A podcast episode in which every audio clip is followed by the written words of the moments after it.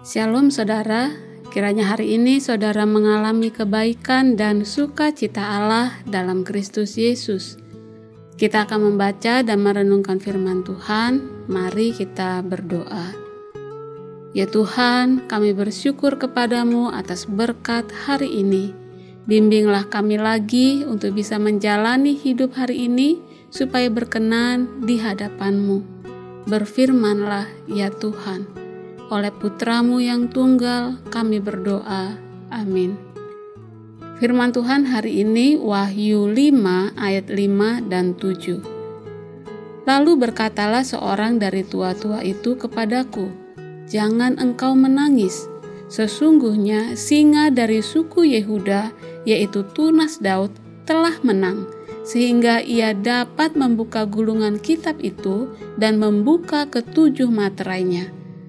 Lalu datanglah anak domba itu dan menerima gulungan kitab itu dari tangan dia yang duduk di atas tahta itu. Demikian firman Tuhan. Singa dan anak domba. Orang yang seperti singa adalah orang yang tegas, bermental baja, dan pemberani Sedangkan orang yang bagaikan domba itu adalah orang yang baik hati, lemah lembut, dan penurut. Dan kita diharapkan untuk menjadi seperti keduanya, seperti singa dan domba, dan tahu kapan menjadi seperti singa dan kapan untuk menjadi seperti anak domba. Tapi, saudara, bagaimana seseorang bisa menjadi seperti singa dan anak domba? Jujur saja, terkadang saya pun bertingkah seperti anak domba ketika seharusnya seperti singa. Saya bertingkah lembek ketika harusnya pemberani, bermental baja, dan tegas. Di waktu lain, saya bertingkah seperti singa ketika seharusnya seperti anak domba. Saya terlalu garang ketika seharusnya saya lemah, lembut, dan penurut. Dalam pembacaan kita hari ini yaitu kitab Wahyu pasal 5, kita melihat Yesus berdiri di tengah tahta sorga. Dialah sang singa dan anak domba.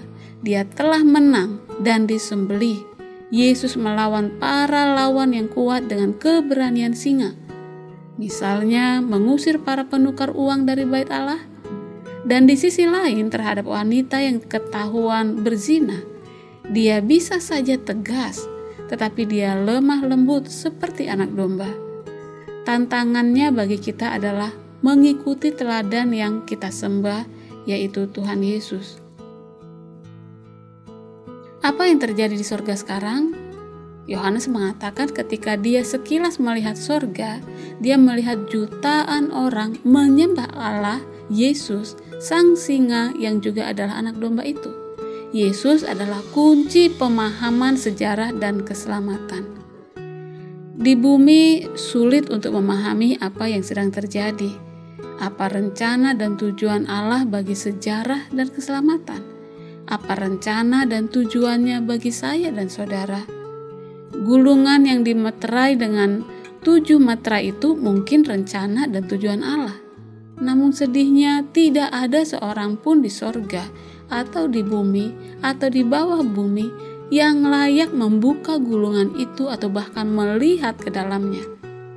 Tapi syukur kepada Allah karena Yesus sang singa dari Yehuda yang telah menang itu dapat melakukannya.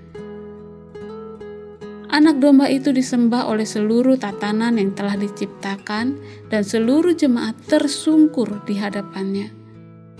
Di sinilah fakta yang luar biasa itu bahwa doa kita di bumi mempengaruhi penyembahan surga. Doa-doa kita mengisi cawan-cawan emas surga. Doa-doa kita benar-benar membuat perbedaan. Ada lebih dari ratusan juta malaikat menyembah Yesus. Di sini kita melihat kegiatan surga adalah menyembah Yesus karena memang kita diciptakan untuk menyembah kemuliaan Allah yang diungkapkan dalam Yesus Kristus sang singa yang juga anak domba. Kiranya setiap kita pun terus melatih diri kita sejak di dunia ini untuk terbiasa menyembah Yesus dengan benar. Oleh roh dan kebenaran, kita akan mengalaminya. Mari kita berdoa.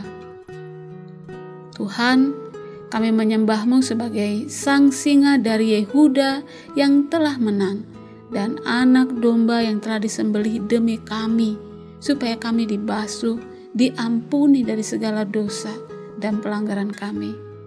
Tuhan, kami ingin menjadi seperti Yesus dan tahu kapan menjadi tegas dan pemberani laksana singa dan kapan menjadi lembut dan penurut ibarat anak domba.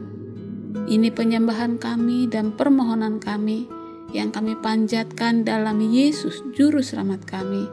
Amin.